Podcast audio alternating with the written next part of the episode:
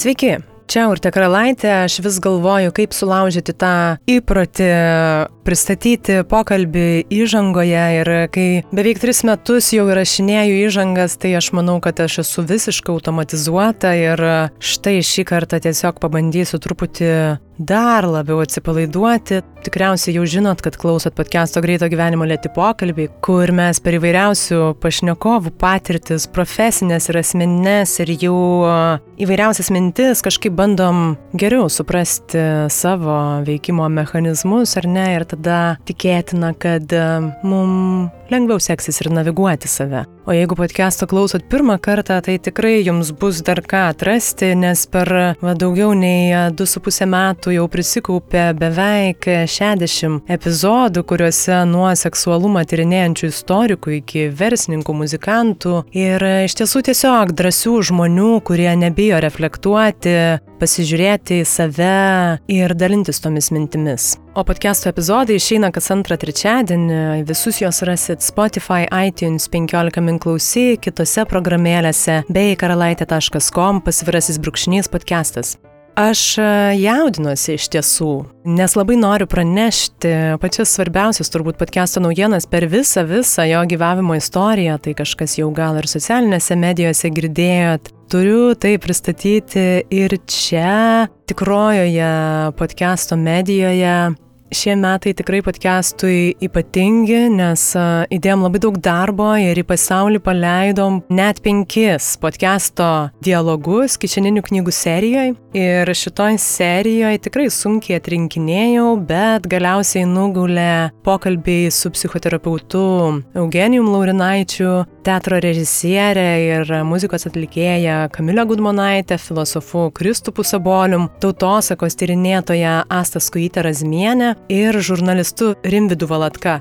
Man asmeniškai tai yra absoliučiai nebejotinai didžiausias pasiekimas gyvenime šitas rezultatas. Ir nors taip pažvelgus į knygas, atrodo, tai va štai tiesiog dar vienos knygos, bet kaip patiri tą procesą, kiek tai reikalauja įvairiausių resursų ir išrinkti pokalbius ir pasverti ir sudaryti tą seriją ir vientisą, bet ir labai skirtingą ir persipinančią temomis ir po to redaguoti tuos tekstus ir derinti su pašnekovais, suvaldyti visą leidybos procesą, komandos darbą ir galiausiai, kas man tikrai nėra lengva, prisimti atsakomybę už įvairiausius sprendimus, tai aš iš tiesų labai didžiuojuosi savimi, bet ir visais, visais, kurie prisidėjo ir labai, labai kantriai dirbo visą šitą laikotarpį. Tai Ypač dėkoju dizaineriui Vilmantui Žumbiui ir visų klausimų patarėjui ir šios idėjos palaikytojui podcastų draugui Lukui Kalinikovui. Nebejotinai kruopščiausiai ir kokybiškiausiai spaustuviai kopa, be kurios šitos serijos leidinių kūnas tikrai nebūtų toks žavingas. Aš iš tiesų, kai atidariau dėžės ir spaustuvės, apsiašarojau, kai buvo gera. Dabar jau baigiu graudintis, nes tų emocijų man tai tikrai sukelia įvairiausių. Dabar jau noriu su jumis tiesiog dalintis tuo tikrai labai stipriu rezultatu, kurį rasit karalaitė.com pasvirasis brūkšnys parduotuvė. Skaitykit, dovanokit, nebijokit mąstyti, nesutikti ir judėti pirmin. Man pačiai labai buvo įdomu pastebėti, kad atrodytų nors ir tas pačios mintis, bet visiškai kitaip nugula į tekstą ir leidžia dar atidžiau, dar kažkaip lėčiau ir kokybiškiau su jomis pabūti ir um, tų minčių dėka kažkaip save dar kruopščiau patirinėti. Tai pabandykit, ar lauksiu jūsų minčių. O šiandien kalbuosi su Eugenijum Kaminskiu, kuris yra pirmiausia humanitaras, įvairių išsilavinimų jo gyvenime yra susipynę, pokalbėje paminėsime keletą. Šiuo metu jisai yra vienas iš XY supratimo agentūros partnerių ir tyriejų. Agentūroje jie siekia jungti įvairias perspektyvas nuo kultūros iki ekonomikos ir ieško galimybių vesti dialogą tarp disciplinų, socialinių sluoksnių, institucijų ir bendruomenės, Vat būtent šitas kabliukas turbūt mane labiausiai ir domina, jį ir paplėtosime, bet be abejo mes nuklystam į daug įvairiausių temų, nuo miesto erdvių formavimo iki žmogaus nepasitenkinimo kažkokiais jau pasiektais, atrodo, gerais rezultatais ir vis norėjimo siekti ieškoti dar toliau už tai, kad podcast'o pokalbiai mus nemokamai pasiekė jau keletą metų ir štai dabar jisai ir auga ir įgyja kitus kūnus, tai turim dėkoti visiems Patreon draugams ir rėmėjams. Podcast'o kūrimą taip pat dalinai finansuoja spaudos, radio ir televizijos rėmimo fondas bei Benedikto Gilio fondas. Pokalbis įrašytas Vilniaus universiteto radio stotyje Start FM, kurios galit klausyti Vilniuje FM dažniu 94,2 arba startfm.lt podcast'o draugai, portalas 15 minučių ir garso reklamos studija Dropaudio. Ačiū visiems už tai, kad esam čia, kur esam ir galim kokybiškai, lietai, neskubėdami kalbėtis, permastyti dalykus, judinti save ir keisti, kai to norisi. O dabar reikim susipažinti su Eugenijum ir jo mintimis.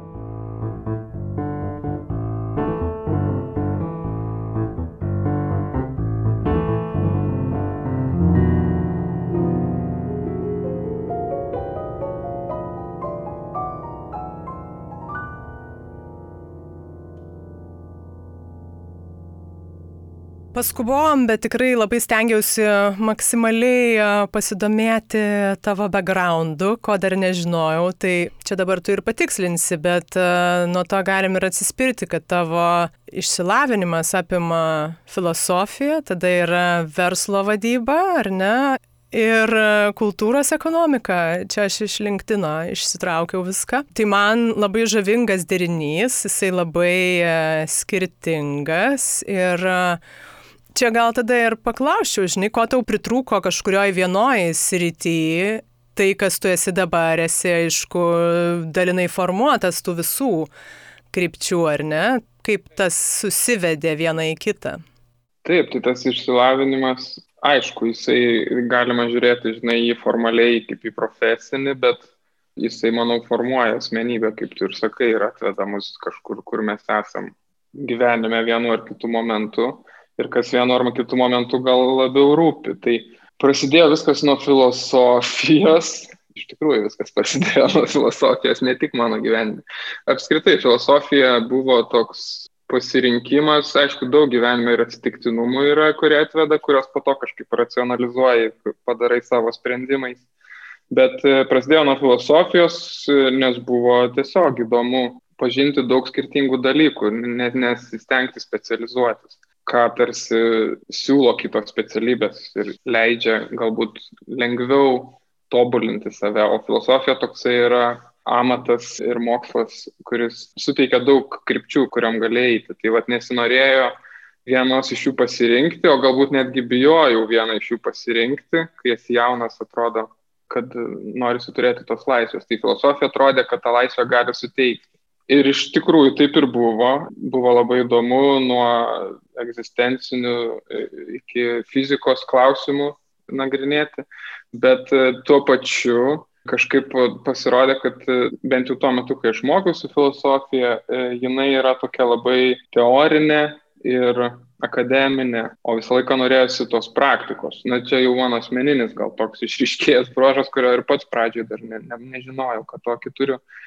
Tai vat, iš čia gal ir atsirado tas netipinis studijavimas filosofijos ir, ir ieškojimas, tai ką galima praktiškai gyvenime tiek asmeniniam, tiek kažkokiam profesiniam iš filosofijos taikyti.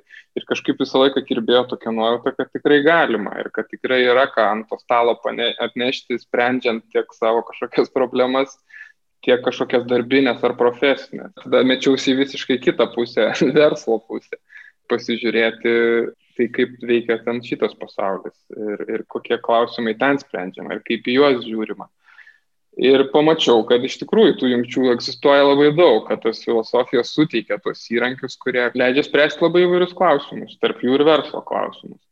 Tai mes juokaudavom visą laiką, tas trečias kursas filosofijos yra tas lūžinis, kur tu arba tampi akademiku, arba meti mokslus, arba poliai depresiją, nu, arba nueini į verslo vadybą, kaip padariau aš. Tarsi aš nemečiau mokslo nei vienų, filosofiją sėkmingai ir baigiau, bet pradėjau ieškoti to praktinio santykio jos su pasauliu ir netgi to praktinio santykio jos su savimi.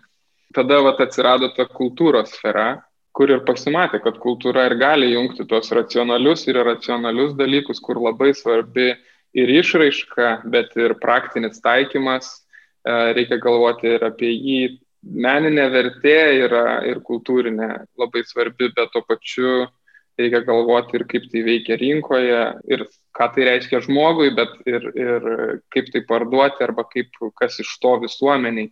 Tai vad kultūra ir atsirado, ir kultūros ekonomika tuo metu dar buvo gana naujas dalykas, kai aš mokiausi Lietuvoje apskritai tokio dalyko nebuvo kaip akademinio objekto per daug tyrinėjama. Tai vad kultūra ir sujungia šitas dvi sritis ir, ir pasirodė, kad filosofiją galima taikyti praktiškai. Po to, aišku, pasimatė to, tų taikymo galimybių daug daugiau.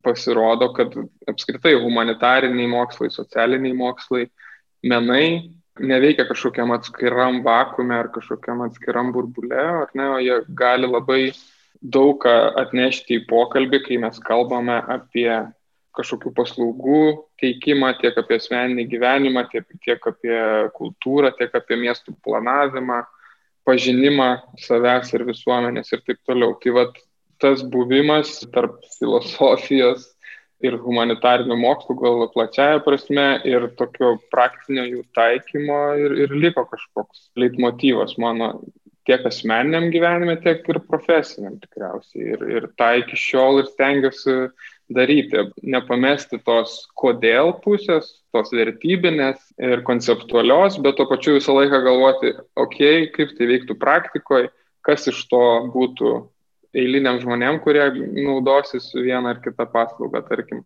arba kiek tai kainuos ir ar apskritai tai įmanoma realizuoti. Tai čia vat toks e, platus intro galbūt į tai, iš kur aš ateinu ir koks tas požiūris yra į filosofiją ir jos praktinį taikymą. Tai čia e, dabar tu irgi užkabinėjai ir tu prieš pokalbį man minėjai, kad tau vat, būtent dabar e, rūpi ir domina ta tarpinė ne tiek būsena, bet ir santykis, turbūt galima sakyti, tarp namų ir darbo, nerimo ir produktivumo, mokslo ir religijos ir dabar tu ką mini, tai ir tarp discipliniškumą. Man čia toks visai subjektyviai kilo toks klausimas, kad tarpinė būsena arba tarp sritinė kažkokia tarp disciplininė veikla, kai tai yra mažiau apčiuopiama ir mažiau konkretu, ar tai nesukuria tam tikro nesaugumo ir to va, tokio nekonkretumo nerimo? Taip, visiškai. Tai yra visiškai nesaugi pozicija. Na, jeigu kalbėt paprastai, nesi vienos ryties specialistas. Labai dažnai manęs mama klausia, tai ką tu gyvenime veiki. Ir e, aš jau pradedu pasakoti apie kažkokias iniciatyvas ar ten projektus, kurios dažnai yra labai skirtingos, ar ne? Ir, ir apima nuo kultūros tyrimų iki investicinių projektų rengimo ir darbo su bendruomenėmis ir projektų rašymo kažkokio labai teorinio tas nesaugumas yra pastovi būsena, sakyčiau, bet galbūt čia yra ir mūsų laikmečio tokia lyga. Labai daug yra pasiūlos, visko galima daug veikti gyvenime, tų pagundų yra labai daug e, eiti vieną ar kitą kryptimį ir e, dažnai sunku vieną iš jų išsirinkti. Tai manau, čia yra tokia pastovi būsena, su kuria reikia tiesiog būti ir, ir tvarkytis kažkaip. Tai yra toksai mano, na, sakyčiau, mano ir, ir galbūt ne tik mano daugelio tokia kasdienė kova ir klausimas, nes ar iš tikrųjų ta būsena yra tokia sudėtinga ir kankinanti, ar ne, ar kodėl tada mes iš jos neišeinam, nes ko gero tai yra ir, ir įvairūs pliusai. Dienos yra nevienodos ir kiekviena diena yra kitokia, kiekviena iniciatyva atrodo išmoksti kažką naujo ir sužinai ir tuo pačiu atrandi apie save galbūt ir, ir kitus kažką naujo, ko nežinojai. Tai čia yra tos e, dvi medalio pusės, ko gero. Bet tas nesaugumas ir nerimas, sakyčiau, yra na, pastovi būsena, kurią reikia atpažinti ir na, tiesiog su ją pabūti ir, ir keliauti toliau, nes tai suteikia daug ir laisvės tuo pačiu. Ir turbūt net ne tik laisvės ir kažkokią naują vertę galbūt kūrė, nes tą, ką tu prieš tai minėjai, jeigu vat, filosofija įsilieja į verslą ir veikia kartu, jau tada kūrėsi galbūt visai kitokie produktai.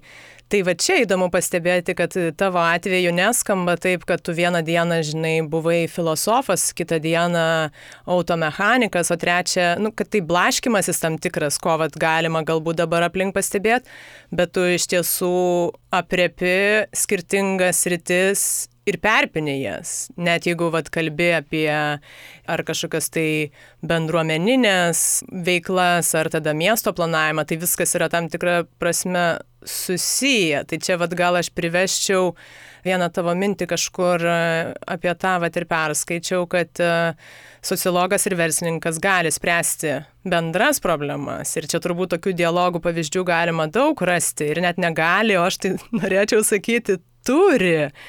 Nes mano akimis bent jau žiūrint, e, čia bet, bet kuriuose sritise pažiūrėjus, kartais atrodo, kad labai yra užsidarimas ir žiūrėjimas tokia viena savo srities kryptimi ir tam tikro tarpdisciplininio dialogo galbūt trūksta.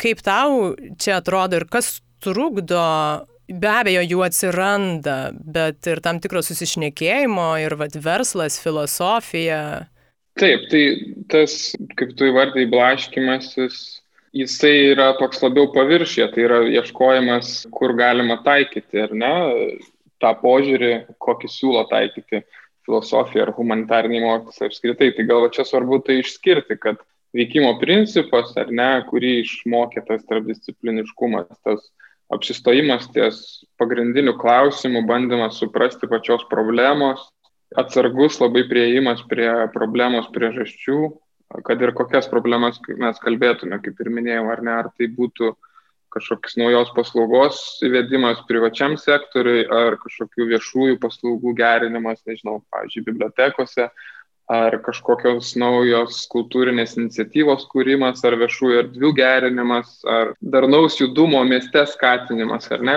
Tas principas, vat, kurį ir leidžia taikyti na, sakyčiau, humanitariniai mokslai apskritai, bet filosofija galbūt labiausiai, kuri jungia skirtingas disciplinas ir įpareigoja pažvelgti į sprendžiamą problemą šiek tiek atidžiau ir šiek tiek iš skirtingų kampų įvertinti ir kitas disciplinas, vat, ką tu mini.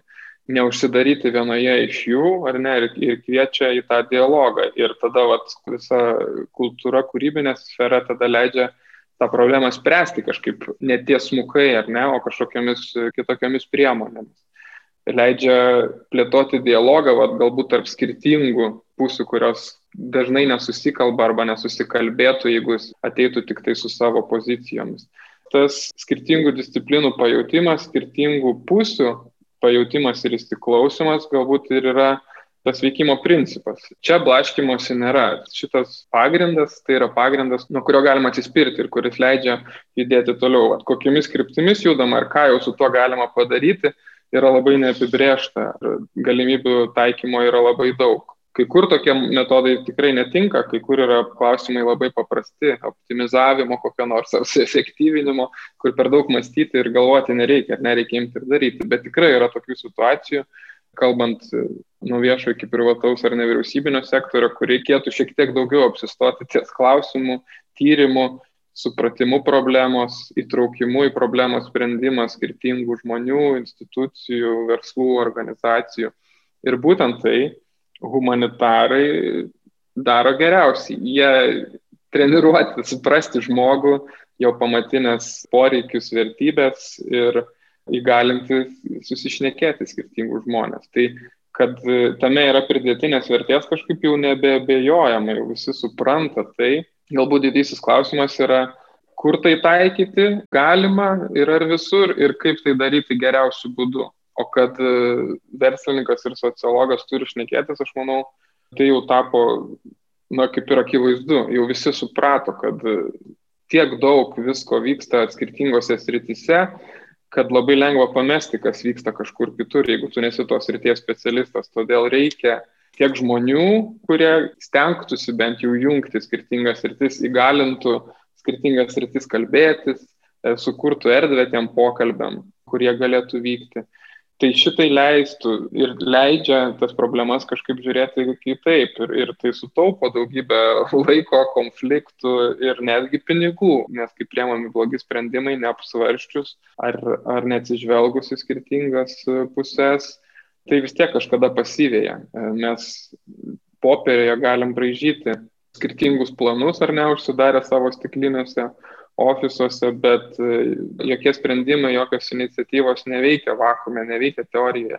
Jie visą laiką veikia sąveikoj su žmonėms, su realiais, realiom vietom, e, su realiais naudotojais ir realiais verslais ir organizacijom. Tai tas e, pabandymas jau pagalvoti, kaip, kaip tai veiktų realybėje, santykėje su kitu yra labai reikalingas jau pirminėme etape. Ir tai vis, lab, vis dažniau vyksta ir labai džiugu matyti, kad tas noras šnekėtis, jisai stiprėja, sakyčiau, nes visi pamatė galbūt, kad kito kelio net nėra, ne, ne, nebeišeina užsidaryti savo šuliniuose ir kažkaip spręsti reikalų atskirai, nes mes tiesiog neturim tiek žinių. Ir dar man įdomu čia pažiūrėti tada, į, vat, e, tu dabar kalbėjai apie tos stiklinius ofisus ir kažkokius planavimus e, užsidarius. E, na, čia galima ir konkrečiau pagalvoti apie kažkokią, tarkim, viešą erdvę ir renginiai tie patys manau, kad jie labai skiriasi nuo tų, kurie išsivysto, gimsta organiškai. Nu, va čia tokį supriešinimą galima būtų pamatyti, tu viename pokalbėje ir mini ir e, Kauno šančių bendruomenės iniciatyvas, kur ten iš tiesų dar prasidėjo viskas dar anksčiau negu kopūstų laukas, ten dar šančių kioskas toks buvo, žodžiu, ten daugybę metų yra jau dabar jau smarkiai pagreitėje tas bendruomeninis toks vyksmas ir kuo vat, tai, tarkime, skirtusi nuo, nežinau, nuo savivaldybės suorganizuoto festivalio, kur ten tam skirtas kultūros komitetas viską nuspręstų ir vat, įvykdytų. Šis klausimas labai kankina mane ir dar nesu tikras, ar turiu atsakymą į jį. Nes be abejo, gimstančios natūraliai, organiškai išsivystančios iniciatyvos yra kažkas autentiško, tai, kas bent jau turi geresnį šansą sudygti, išaukti ir natūraliai kažkaip veikti geriau, ar ne, kas tai bebūtų, ar bendruomeninė iniciatyva, ar ta pati verslo idėja, kuri gimė iš tikro poreikio, ar ne, o ne bandymo sujungti kažkokius nesujungiamus dalykus ar noro tiesiog užimti nišą rinkoje, ar ta pati viešoji erdvė, kuri gimė iš poreikio tarkim, tas pats miesto planavimas, ar ne, ar mes žiūrime, kaip žmonės juda, elgesi mieste ir taikome erdvę jiems, ar sukūrėme erdvę ir bandome žmonės, nežinau, priversti judėti taip, kaip norėtume. Tai be abejo, iš apačios tos gimstančios iniciatyvos yra geris, jas reikia atpažinti ir puoselėti. Bet dar esu linkęs duoti šansą ir tikiu, bent jau bandausi įsivertinti, ar įmanoma tokias iniciatyvas ir programuoti. Tai reiškia pažinti labai ankstyvoje stadijoje kažką gero užgimstančio ir kažkaip sistemiškai padėti, kas tai bebūtų, ar, ar tarkim valstybinė pagalba, tai reiškia, na, suteikti finansavimą kažkokiai idėjai, pamatant, kad pradžioje sekasi gerai ir galbūt trūksta labai labai nedaug. O galbūt replikuoti kažkaip idėją, aišku, pritaikant kitam kontekstui ir atsižvelgiant, įtraukiant skirtingas šalis, tą gėrį padauginant. Man asmeniškai labai įdomu, ar yra tokie būdai ir ar tai veikia ir, ir koks turėtų būti procesas, kuris leistų tai padaryti. Ar įmanoma suplanuoti ir terminas iš viršaus nuleisti ar ne gerą iniciatyvą kai jinai sukūriama visiškam vakume ir, ir kaip tu sakai, pabraižoma, tarkime, ne, ir, ir, ir sukūriama tam tikras matymas, kaip turėtų būti ir bandoma realybę įsprausti į, į tos rėmus, tai šansų, kad tai veiks ar bus tvaru ar ilgamžiškai yra mažai. Bet galbūt yra tas procesas, kuris leistų tvariai planuoti, tai reiškia, kad rasti tą gerą iniciatyvą ir padėti jai užaukti, o neleisti vien eiti savykai arba galbūt apsaugoti nuo tam tikrų rizikų, kurios gali būti išvengtos. Šitas toks matymas gimė dirbant gal su, su, su viešuoju sektoriumi ir, ir su, tiek su kultūros politikos planavimu, tiek su to pačiu miesto planavimu, kur pastanga ir yra, ar ne, sukurti kuo geresnės sąlygas, kad iniciatyvos gimtų pačios arba poreikiai būtų atliepti tie, kurie yra reikalingiausi arba skaudžiausi. Tai manau, planavimas yra labai svarbu ir tas naujo lygio planavimas, naujos kultūros planavimas tiek, kaip minėjau, kurti verslus ar viešasias paslaugas ateina po truputį ir ieškoma būdų, kaip tai daryti. Tai va čia va irgi atsiranda vaidmuo tokiems žmonėms, kurie galbūt gali padėti tai daryti, suprasdami skirtingas temas, skirtingus kontekstus, nežinodami labai giliai vieno ar kito, bet gebėdami jungti tos žmonės, kurie vieną ar kitą sritį išmano ir galėtų padėti tvariom iniciatyvom vystytis toliau. Taip, čia aš irgi pagalvojau, kad na, ir daugiau pavyzdžių yra įvairių tų bendruomeninių iniciatyvų, bet uh, natūralu, kad jeigu jos labai uh, kažkaip organiškai, nebūtinai schematiškai gimę, jos gali labai ilgai užtrukti, jos gali kažkur pasiklysti įvairiom kryptim ir, ir va čia tas dialogas ir bendradarbiavimas atrodytų su kažkokiu, tai žinai, elementarios vadybos ir kažkokios, nežinau, strateginės pagalbos galėtų naudos atnešti. O dabar dažnai liktai galima pastebėti, kad yra arba vienas kraštutinumas, arba kitas, arba veikiama bendruomeniškai, bet taip gana kukliai, arba nusileidžia iš viršaus. Tas matoma labai dažnais atvejais. Netgi tos gerosios iniciatyvos, kaip tavo minimos, jos pasibaigia labai liūdnai kartais dėl to, kad žmonės, kurie tai daro, pavarksta elementariai, nes viskas laikosi ant kelių iniciatyvių, užsidegusių ir sienas kaktomis pramušančių žmonių, kurie galų gale nesulaukia palaikymo ar bent jau netrukdymo tam tikrose vietose pavarksta. Ir tai labai natūralu ir žmogiška. Ir vat šito neturėtų būti. Ir tuo pačiu kartais ta pagalba ar netampa tokia, noras padėti tampa labai formalus, su daugybė saugiklių, už kuriuos reikia atsiskaityti po to, ar įsipareigoti, atlikti vieną ar kitą, kas varžo ten kūrybinę ar iniciatyvos laisvę. Ir va šitie du pasauliai vis rečiau reikiamose vietose susitinka. Kaip tu sakai, padėti tam, kad iniciatyva atsirastų, tvariai vystytųsi ir laiku ateitų uh, kažkokia pagalba, ar tai būtų iš valstybės, ar iš kitų žmonių, ar savivaldybės, ar, ar kitų bendruomenių ir padėtų užaukti, tai galbūt ir yra tas siekis toksai, tas sėkmės receptas, ar ne, kurio proporcijos dar nėra iki galo aiškios. Tai ko gero būtų tas tvaraus augimo ar vystymo, darnaus vystimosi pagrindas. Dar čia, aišku, svarbu turbūt pastebėti, kad, na, tas erdvės, jeigu jau mes čia truputį prie, prie miesto erdvių priartėjom, dabar tikrai matom ir suprantam labai skirtingai. Ten, pavyzdžiui, planuotojai vienaip ateina prie jų, verslas kitaip, bendruomenė dar kitaip. Tai gerai, mes čia kalbam apie kažkokį dialogą ir įsiklausimą ir bandymą susikalbėti, bet gerai, ieškom kompromisų, bet ar, ar visgi įmanoma yra įtikti visiems, kad ir verslas būtų patenkintas ir kažkokia, žinai, vertės auginimu toj vietoj ir, ir monetizavimu ir dar kuo tik tai, ir bendruomenė savais poreikiais. Ar šitie kraštutinumai irgi gali priartėti ir rasti tą kompromisą? Kompromisas e, šiaip nėra labai geras sprendimas niekada, nes e, visą laiką reiškia, kad kažkas kažko turi atsisakyti. Ir kompromiso pasiekti yra irgi sunku, e, ar ne atsisakyti visą laiką yra sudėtinga ką mes stengiamės su mano organizacija, kaip žiūrėti į konfliktą, jeigu galima taip vadinti, situaciją ar ne kažkokią, kur susijungia ar susikerta skirtingi interesai, yra, ar yra būdas, kuris leistų peržengti tą konfliktą.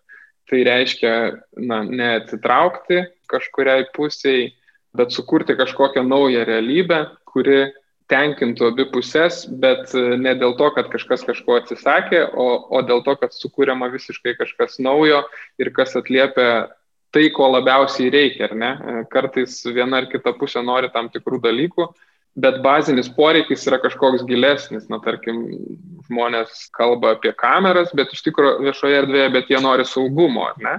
Ką tai reiškia? Reiškia, kad galbūt yra kitų būdų, kaip tą saugumą galima sukurti, na, kaip, nežinau, pažiūrėjau, apšvietimas, atviras, matomumas ar kažkoks kitas saugumo užtikrinimas.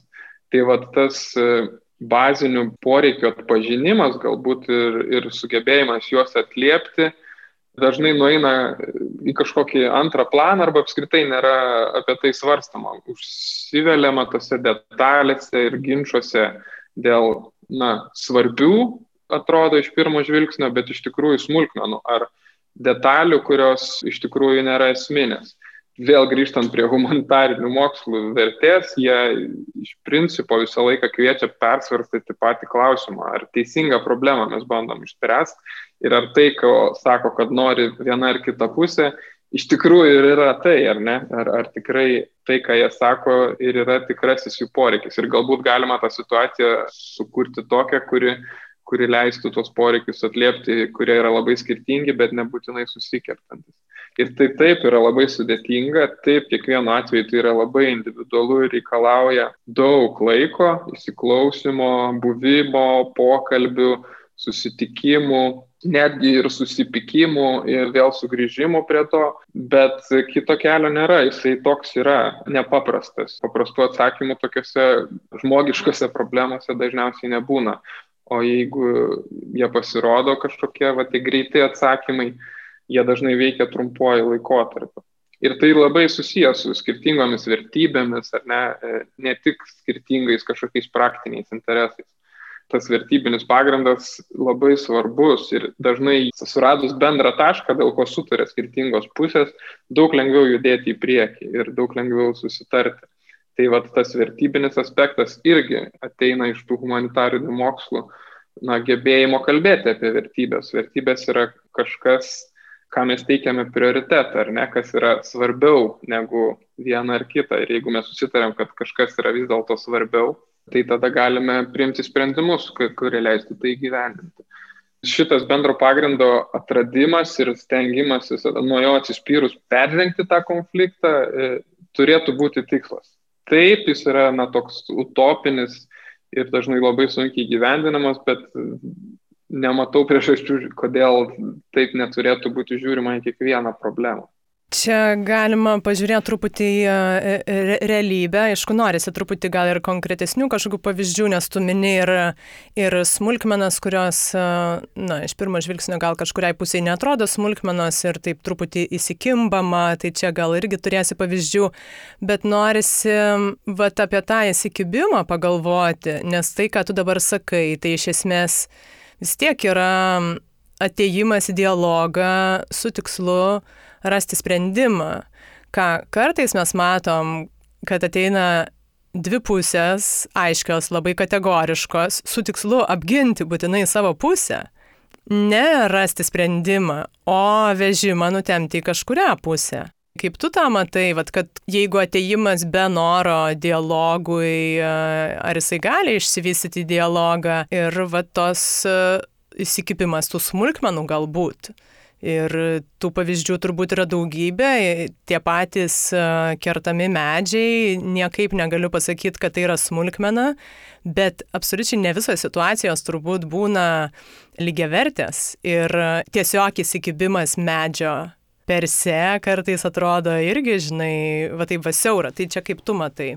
Taip, tai na, mes čia galbūt dabar apie pavyzdžius kalbame iš, iš E, miesto erdvių planavimo ar, ar viešųjų erdvių atnaujinimo problematikos, su kuo irgi tenka dažnai dirbti, bet tie principai gali būti taikomi ir, nežinau, ten rengiant savivaldybės kažkokią dešimties metų strategiją, ar ne?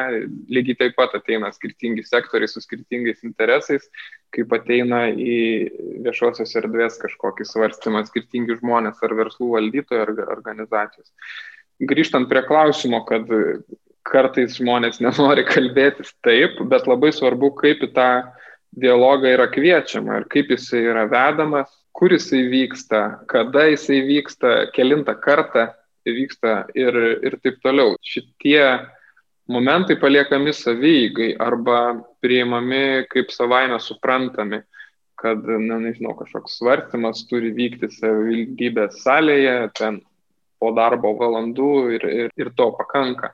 Bet kuriame etape ar ne klausiama žmonių apie vieną ar kitą sprendimą, irgi labai svarbu tai daryti kuo anksčiau, kaip tie žmonės yra pakviečiami, ar tai yra lapelis ant durų, ar tai yra elektroninis laiškas spamo dėžutėje, ar tai yra skambutis, ar tai yra pabeldimas į duris, ar ateimas į kaimynų šventę. Tarsi tų scenarių yra labai daug, kaip pasitinkami žmonės, kurie ateina, ar ten yra arbatos ir sausainių, ar na, tokios smulkmenos, kurios leidžia sukurti atmosferą, visų pirma, bent jau būtina, bet nepakankama galbūt, ar ne, bet būtina dialogui, kas bent jau sudarytų sąlygas, kad jis vyktų. O kad kai kas nenori atsisakyti savo pozicijos ir, ir tai yra natūralu, tai dėl to ir svarbu suprasti, kodėl, ar ne, vienas ar kitas dalykas yra svarbus žmonėms. Vėl grįžtant prie tavo minėto pavyzdžio su medžiais, taip, medis yra vertybė, galima sakyti savaime, bet vėl labai svarbu ir mums teko spręsti tą medžių klausimą, kalbantis su bendruomenėmis ir miesto planuotojais, ar ne, ir mes bandėme išsiaiškinti, tai o kodėl, tarsi, ne, niekaip nenuvertinant pačio klausimo ar jo sprendimo prasmės, bet kodėl medis yra svarbu, ne ką jisai reiškia tiems žmonėms ar tai bendruomeniai ir ką reikštų jo netekimas. Ir čia atsiveria labai įdomus dalykai, kurie nebūtinai yra visą laiką tapatus ar vienodi. Vien uždavus šitą klausimą labai atsargiai ir pagarbiai, aišku, ir laiku ir vietoje žmonėms prasideda pokalbis apie tai. Tuo atveju tai buvo, tarkim, kažkas svarbaus, kas primena praeitį, lietuvybę, mūsų šaknis, tiesioginė ir perkeltinė prasme. Tai yra kažkas, kas yra tapatumas ir identitetas ir po to medžiu žmonės pirmą kartą ten pasibučiavo ir taip toliau, ar ne, tai labai daug asmeninių dalykų, bet to pačiu supratimas, ką tai reiškia, ar ne, kodėl tai yra tapatybės dalis ir kas už to stovi. Kitiems medis yra tiesiog pavėsis ir užuovėja atsipūtimas, kitiems tai yra miesto plaučiai, kova su klimato kaita, automobilizacija ir kitais dalykais. Tai supratus visus šitos dalykus, visas erdvės planavimas pasikeičia, kad šitoj vietoje mums svarbu, kad, tarkim, nesikeistų tos erdvės tapatybė, kad jį išliktų vienokia ar kitokia. Kitu atveju svarbu, kad tai netaptų kažkokia betoninė aikštė, ar ne, nes žmonėms reikalingas pavėsis ar užuovėje, ar pasislėpimas nuo svetimų akių ir taip toliau. Tai vat supratimas, ar net, įmant net tą patį elementarų medžių pavyzdį, taip, jie yra svarbus išsaugoti, bet kodėl? Ar ne, ir tas išsiaiškinimas, kodėl gali atvesti į vieną ar kitą sprendimą, kodėl netgi ir būtina, tarkim, kirsti kažkokį seną medį dėl jo būklės, tarkim, bet sukuriant atitinkamą alternatyvą, kuri tenkintų tą bazinį poreikį, kurį turėjo tenkinti tas medis. Arba bent jau komunikuoti jautriai ir atsargiai suprantant ir gerbent, kodėl medis yra svarbus, nes argumentas, kad jis yra nesveikas, ar jisai ardo trinkelės žmonėms visiškai, na, negroja, jis niekaip nemotivuoja pakeisti savo nuomonę ar bandyti suprasti kitą pusę, nes kalbama visiškai apie skirtingus dalykus, nors kalbama iš tikrųjų apie tą patį medį.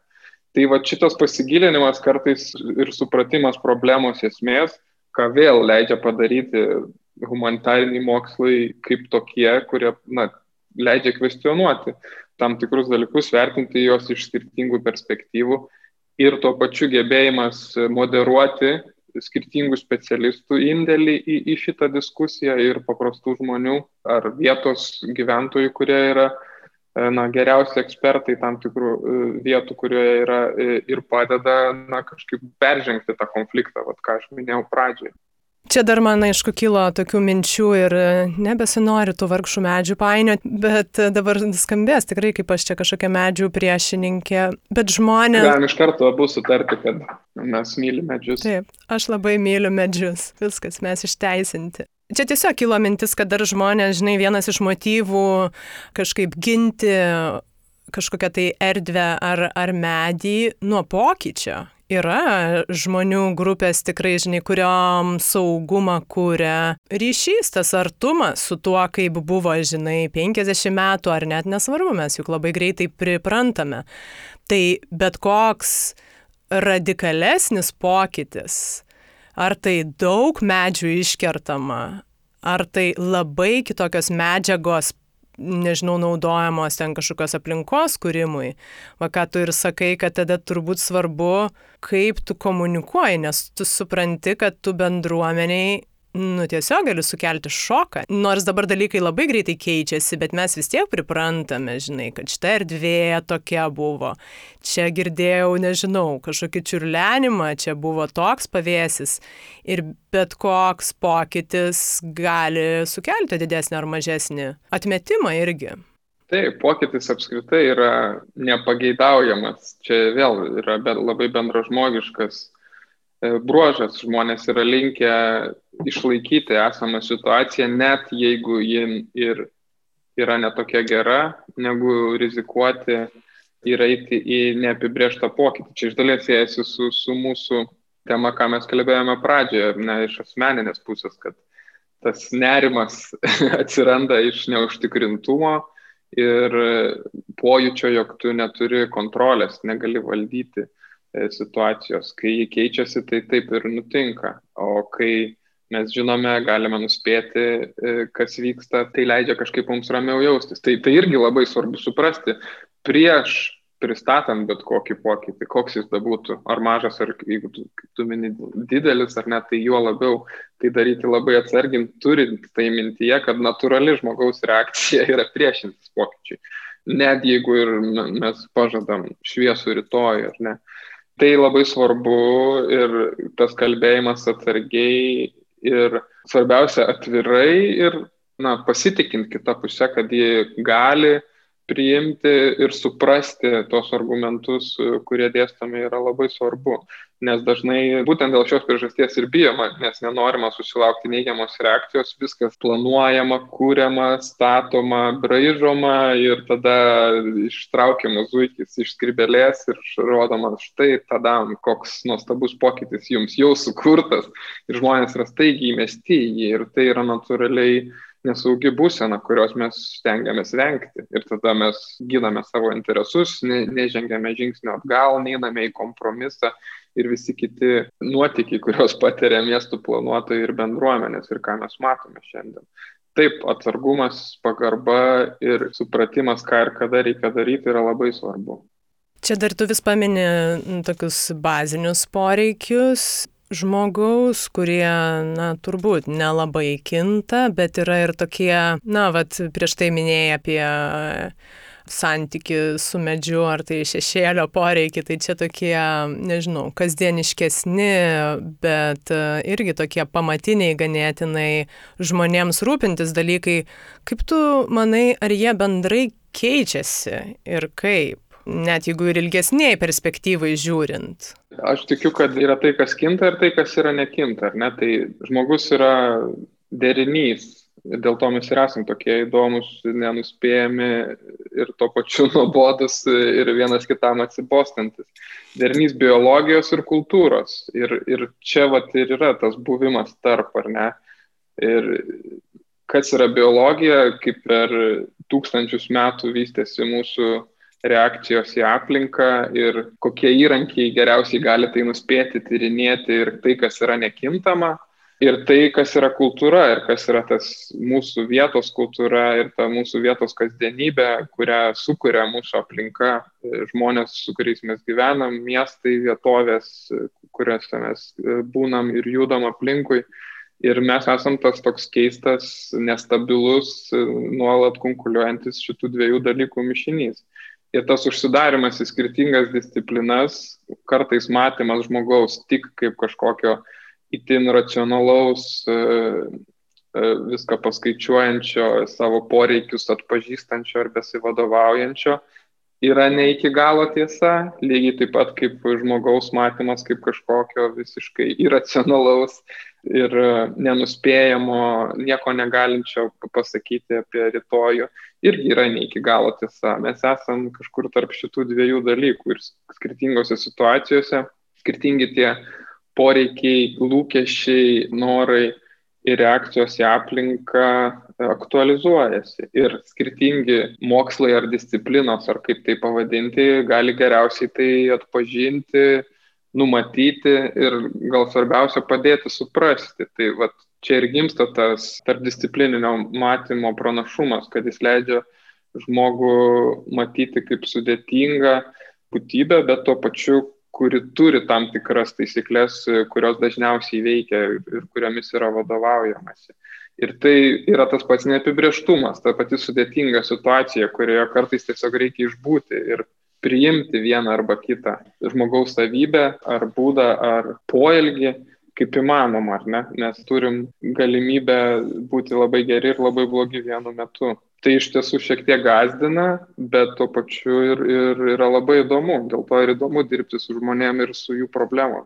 Aš atsiprašau, turiu padaryti juoko pauzę. Labai gražiai skamba su žmonėm ir jų problemom, nes jų niekada netruks, jos niekada nesibaigs. Žmonės yra tokie kompleksiniai ir tokie nenuspėjami ir, ir blaškomi ir, vat, kaip tu sakai, ir labai geri, ir labai blogi. Tai jo, čia neišsenkantis šaltinis ir mąstymui. Ir jis maitina vis dar ir maitino nuo rusų literatūros klasikų, kurie ko gero geriausiai sugebėjo tas žmogaus velniškas ir, ir dieviškas savybės pa, pavaizduoti kaip įmanomas viename asmenyje, ar ne? Ir nu, iki dabartinių neuromokslų tyrinėjimų, kurie irgi rodo, kad mes galime daryti antžmogiškus kažkokius dalykus, ar ne? Tai tai tikrai nemanau, kad bus iki galo kažkada pažinta ir mes iki galo viską išsiaiškinsim ir sukursim kažkokį tobulą receptą, kaip e, dirbti su bendruomenėmis, kaip planuoti erdves ar kaip spręsti mūsų ginčius ar konfliktus. Tai kiekvienu atveju yra labai skirtinga, bet dėl to ir įdomu. Tai čia guodžia mane dėl to, kad e, tiek man, tiek tau dar ilgai bus darbo panašu. Aš tikiuosi, aš tikiuosi. Aš labai norėčiau, kad mums kažkaip šitoje vietoje padėtų dirbtinis intelektas ir sugebėtų kažkokius pateikti sudėtingus sprendimus, kurių mes galbūt net neižvelgiam ar ne, kad jie įmanomi. Bet žmogus yra tokia būtybė, kad jisai net ir esant idealioms situacijoms susikurtų savo kažką sudėtingo. Atrodo, Dostojevskis yra pasakęs, kad jeigu žmonės galų gale pasiektų tą dangišką būseną ir daugiau nieko neveiktų, tik tai valgytų ir daugintųsi, po kurio laiko jie vis tiek viską sudaužytų iš šipulius vien tam, kad pamatytų, kas po to ir kaip tai atrodo. Tas yra tiesa, aš visiškai šimtų procentų pasirašau po šito. Kodėl? Dabar, ne, ne, kodėl pasirašai, atsiprašau, ne, bet kam žmogui to reikia? Aš manau, tai yra gyvenimo prasmės paieškos klausimas žmogaus gyvenimo prasme dažnai gali būti sumaišyta su laime ar pažinimu, bet tai niekada nepateikia kažkokio galutinio atsakymo, ar ne, niekada nebūsi iki galo laimingas ar iki galo viską supratęs. Gyvenimo prasme, aš tikiu, yra na, tas, tas ieškojimas, tas nuolatinis ėjimas į priekį ir vėl nuo to mes ir pradėjom, ar ne mūsų pokalbį tas atsikelimas iš ryto su nerimu ir, ir tiesiog buvimas su juo ir ieškojimas, ką su tuo daryti. Iš to kyla nerimas, bet kaip minėjau, tai iš to kyla ir, ir, ir laisvė elgtis taip, kaip tau atrodo reikalinga. Žmogaus pamatinė būsena. Kodėl taip yra, aš nežinau, bet kito atsakymo aš ne, neturiu. Man atrodo, kad tai yra nuolatinis ieškojimas ir tos grumtynės su, su savimi ir, ir nuolatinės paieškos ir yra, kas suteikia prasme. Jeigu jos vyksta, gyvenimas yra prasmingas ir ta būtis yra prasminga ir tai, ką mes darom, ir tas pats nerimas yra prasmingas. Jeigu mes užmiegam kažkur e, ir esam, atrodo, kad pasiekia kažką, na, kažkas sustoja ir vėl atsiranda tuštuma ir be, beprasmiškumas, kurį mes vėl bandom, kaip sakė Dostojevskis, sudaužyti šipulius ir pasižiūrėti, kas bus. Tai kažkaip tai gazdina, bet tuo pačiu tai supratus kažkiek tampa ir ramiau, kad taip yra. Reikia pasistengti mėgautis šito. Man atrodo, kad dabar tikrai galima visai pastebėti ir tokių jau realių pavyzdžių, kur žmonės, ypač pastaraisiais, jau taip dešimtmečiais ar ne, mes tikrai labai gerai gyvenam ir galim pasiekti kažkokios gerovės savo asmeninės ar ten šeimos ir, ir viską išpildyti savo planus ar ten materialinius tikslus kažkokius pasiekti, bet tuom niekas nesibaigia nu, vat, kad pasieki kažkokį tašką ir, ir o kas tada? Tai va tie pavyzdžiai turbūt ir rodo, kad uh, nėra taip, kad uh, aš pasiekiau jau finišą ir dabar jau aš esu laimingas ir būsiu laimingas. Tas uh, ieškojimo poreikis čia turbūt ir atsispindi, kad žmogus turbūt visą gyvenimą ir nepasiekia kažkokio savo galutinio tikslo.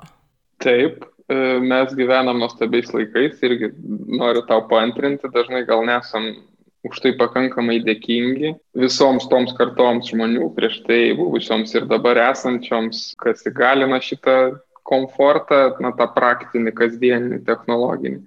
Bet tuo pačiu, nebūdami dėkingi, mes ir užsimirštam, kad e, tai nėra kažkokia prieš paskutinė stotelė į tą pažadėtą rytojų, kad jau tuoj tuoj mokslas ir technologijos mus galų galiai padarys nemirtingais, išspręs visus klausimus ir taip toliau. Visiškai sutinku, kad e, tie klausimai mes sugalvosim naujų ir, ir jie niekada nebus išspręsti ir kad to suvokimas, jis ir neturėtų būti pastovi būsena, nes ko gero mes negalėtume susitvarkyti tuomet tiesiog su juo ar galbūt išprotėtume, nes žmogui reikia kažkokios tikėjimo, vilties ir apibrieštumo, bet bent jau pastanga ar vektorius taip matyti pasaulį, suprasti, kad visą laiką bus e, ta kita stotelė, labai sveika tai turėti. Ir e, kartais pasitikrinti situacijas, sudėtingos labai situacijos, tai leidžia iš jų išeiti,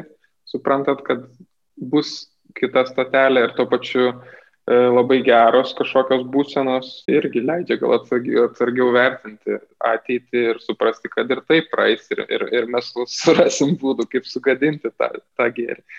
Čia tokia nuolatinė pastanga ir pratimas, kurį reiktų stengtis ir aš pats asmeniškai stengiuosi savo nuolatos priminti, bet visiškai natūralu, kad mes užsimirštam toj kasdienybei ir užsiliuliuojam ar kaip tik užsiskubam ir nebematom. Uh, tiesiog svarbu karts nuo karto pažvelgti tai iš šono ir, ir, ir tai padeda judėti prieki.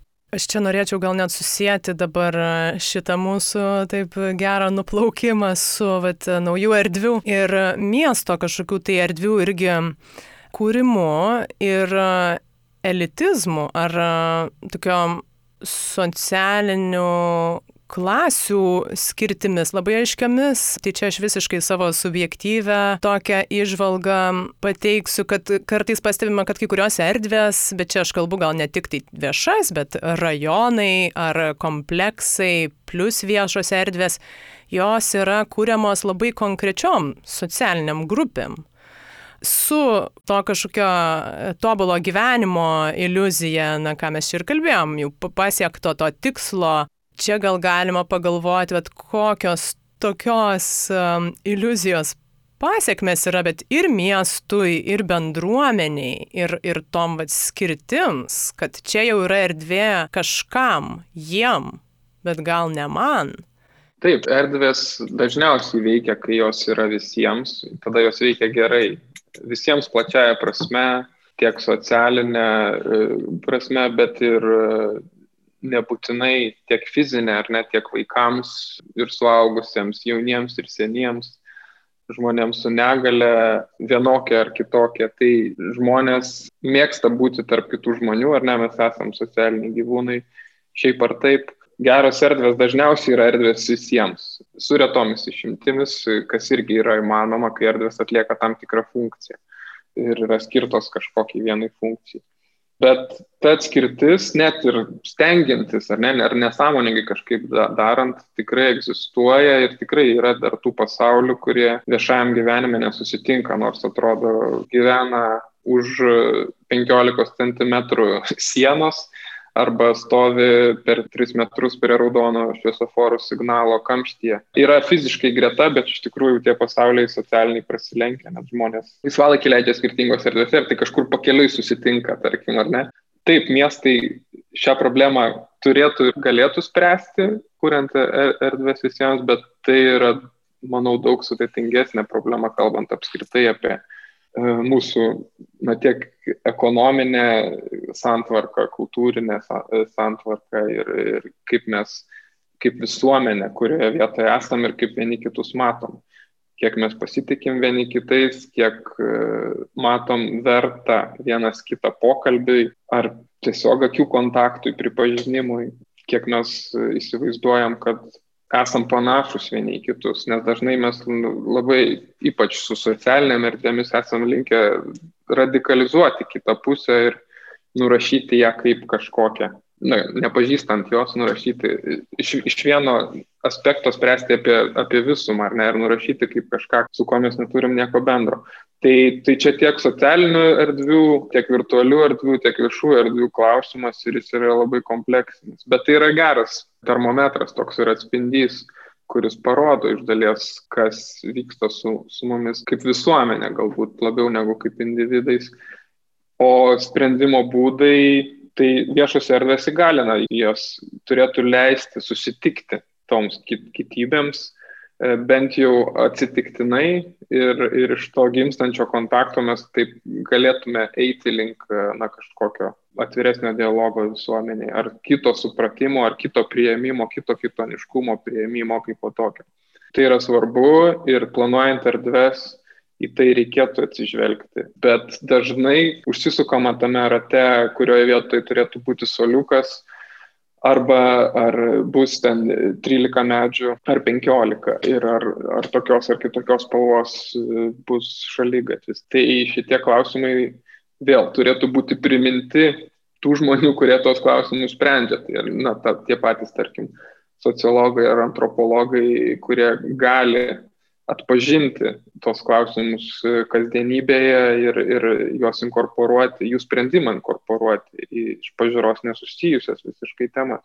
Čia man įdomu pastebėti, kad, na, aš irgi labai visą laiką akcentuoju, atrodo, ir, ir tą vat kito nesupratimą, tai nesvarbu, ar čia apie mažumas kalbant, ar apie tiesiog kitos socialinės grupės, ar kitaip gyvenančios, kitaip veikiančios tokį atitolimą ir natūralu, kad tada, kai mes neturim santykio, ne, ne, negalim turėti ir dialogo, ir supratimo, nes galbūt iš tiesų tos viešos erdvės yra vienintelė vieta, kur tos grupės gali persidengti, nes galvojant apie bet kokias privačias, nesvarbu ar tai valgymo įstaigos, ar tikrai jau ir mokyklos, ir darbovietės ir visa kita, jau greičiausiai tos grupės jau atsiskirs, jos niekur nebesusitinka, žinai, ar tai kalbant apie pramogas, net ir sporto klubai yra jau tie visokie ir slapti, ir prabangus, ir neskirti mums e, mirtingiesiems. Tai va čia įdomu tikrai, va iš to aš pagalvojau tik tai, kad vieša erdvė būtent yra tas taškas, kur galėtų susitikti.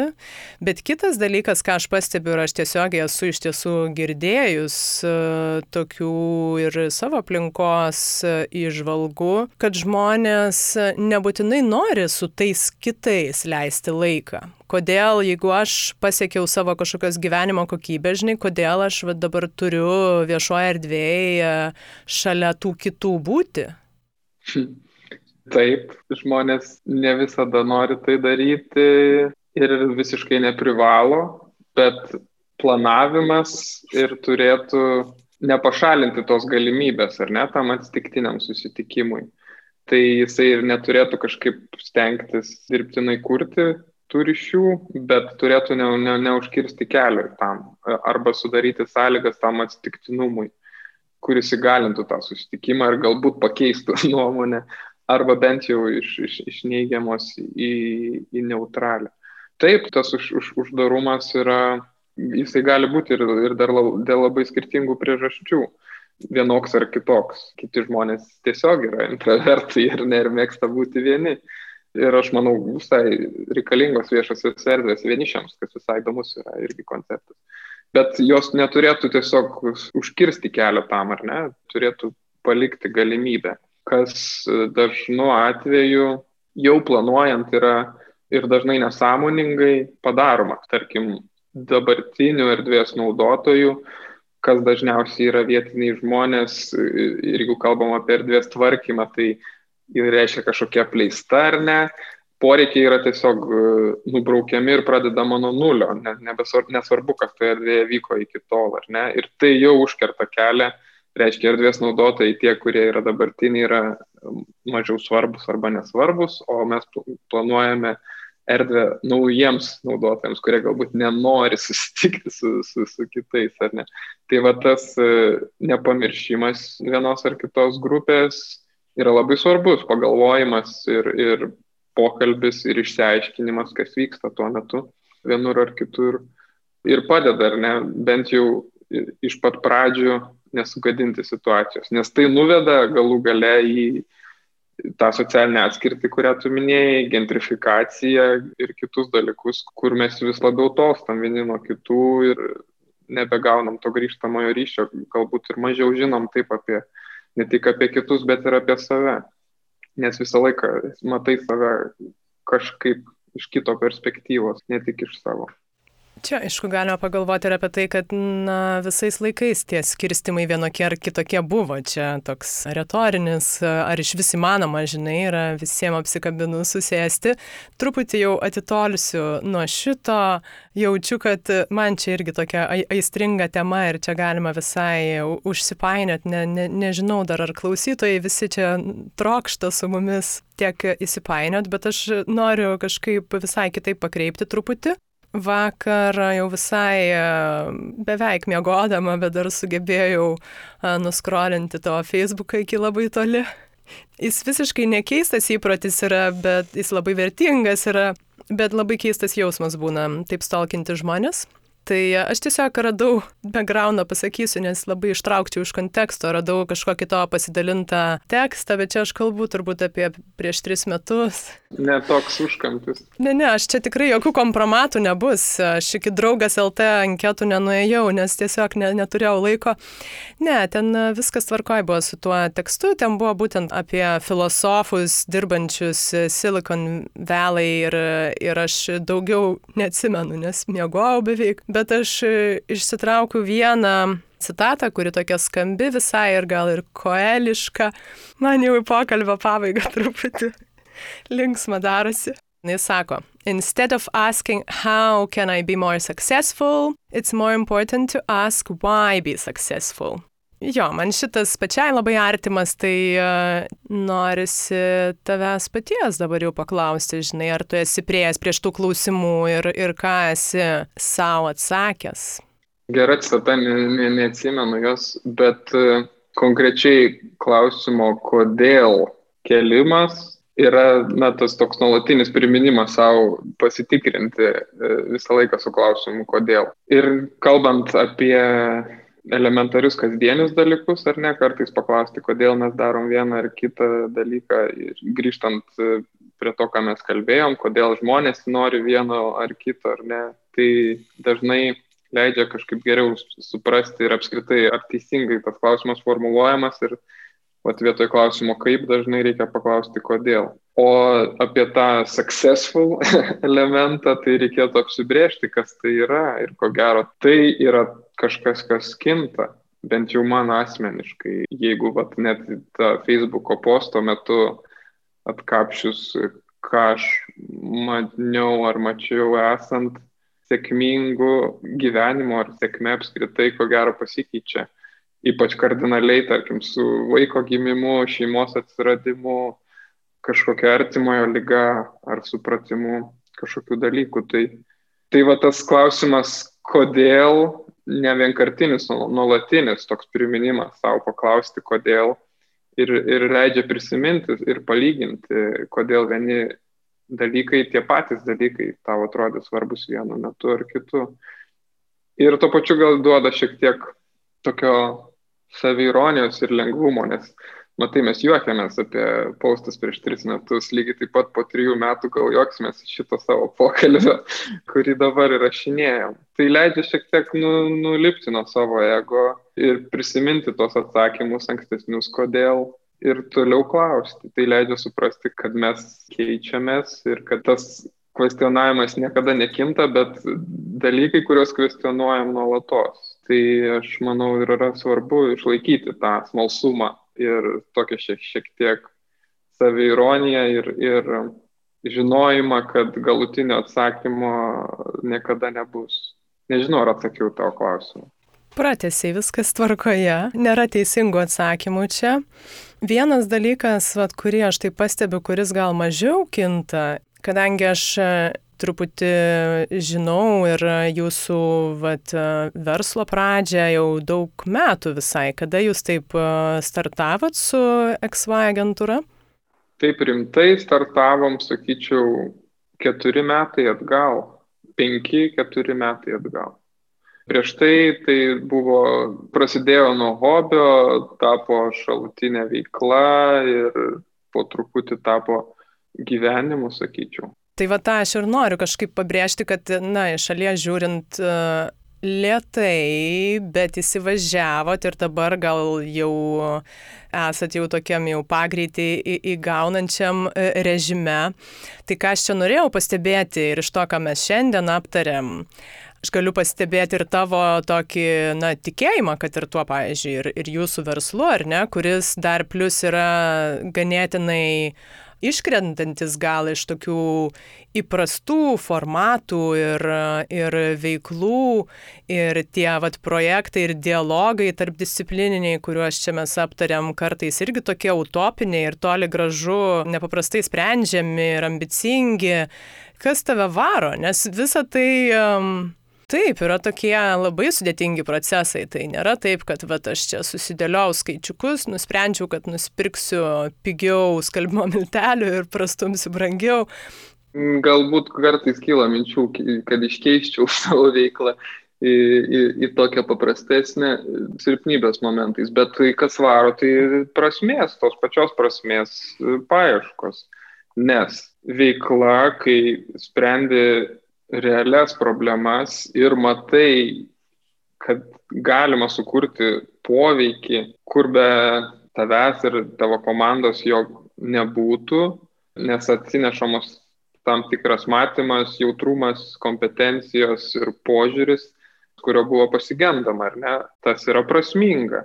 Ir tas, aišku, ir veža į priekį. Aišku, su tuo visą laiką atsiranda dalykų, kurių nori daryti mažiau, atsiranda biurokratija, formalumai, mokesčiai, programavimai, tiesioginės vaizdo transliacijos ir tas neapibrieštumas, bet e, tuo pačiu sprendė labai įdomius klausimus, e, kuriuos spręstum net ir negaudamas už tai atlygio, kurios domėtumės ko gero prieš miegą.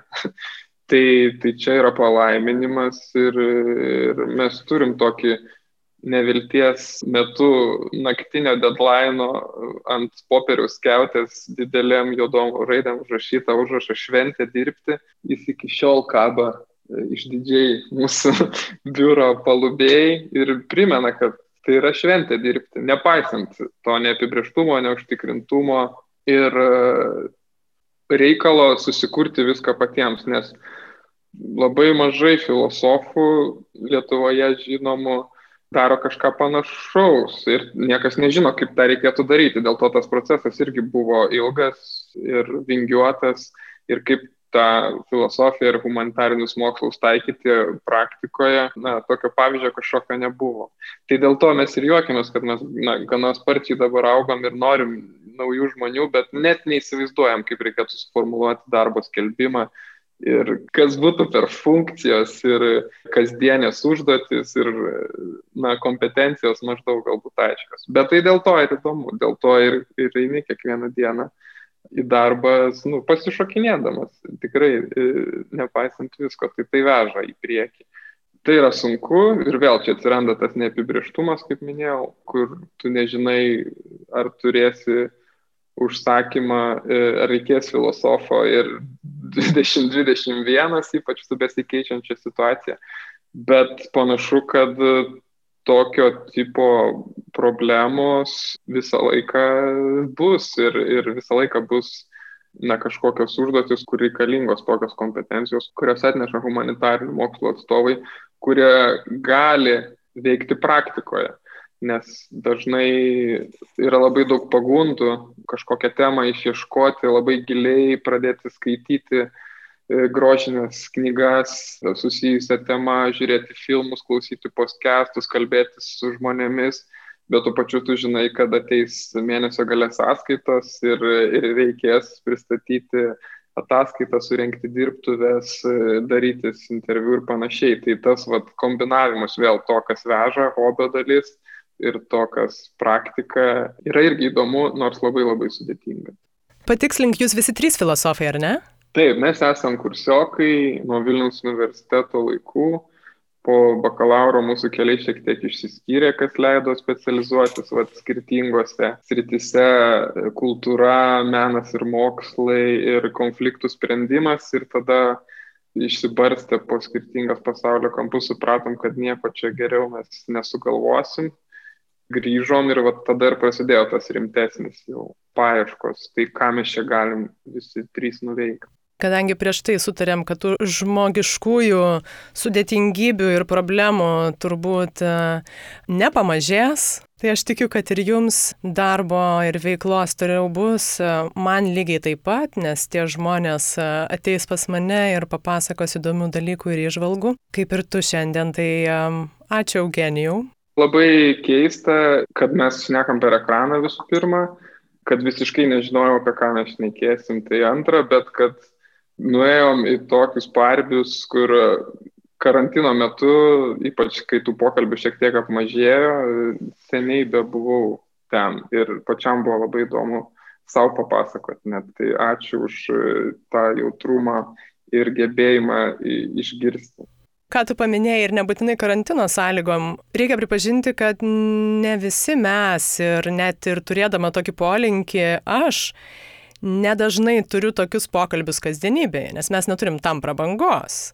Tai man kažkaip dėl to atrodo svarbu va, tą nišą užpildyti ir padėti kitiem, kurie irgi galbūt neturi tos prabangos, truputį pajudinti savo galvas ir judėti tuo pačiu irgi pirmin. Gera motivacija paskambinti savo kokiam pamirštam draugui ir, ir pakalbėti pan, panašiais dalykais. Tai paskambinti be tikslo nieko nežinant, vat, kaip mes dabar pasiskambinom. Nes taip, iš tikrųjų, tu, dabar viskas, kai turi būti suplanuota kalendoriuje ir tų atsitiktinumų, kaip mes kalbėjom tiek viešuose erdvėse, tiek mūsų gyvenimuose, mes kažkaip vengiam, arba bent jau jų atsiranda mažai, tai galima pasistengti, kad ir pasiplanuoti gerą pokalbį, tai gera motivacija tą padaryti. Taip, taip, tiesa, paskambinti kam nors ir sakyti labas, kaip manai, ar pamatiniai žmogaus poreikiai keičiasi? Pirmas klausimas. Būtų labai smagu. Kodėl Kad... tu nori būti sėkminga? Puiku, Eugenijau, ačiū. Tai šventės dirbti, jo, einam švesti toliau, mums puikiai sekasi.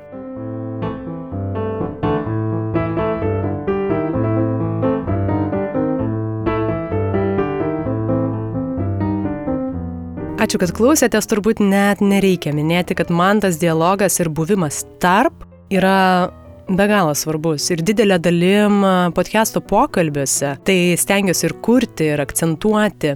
Aš pati visą gyvenimą buvau tarp.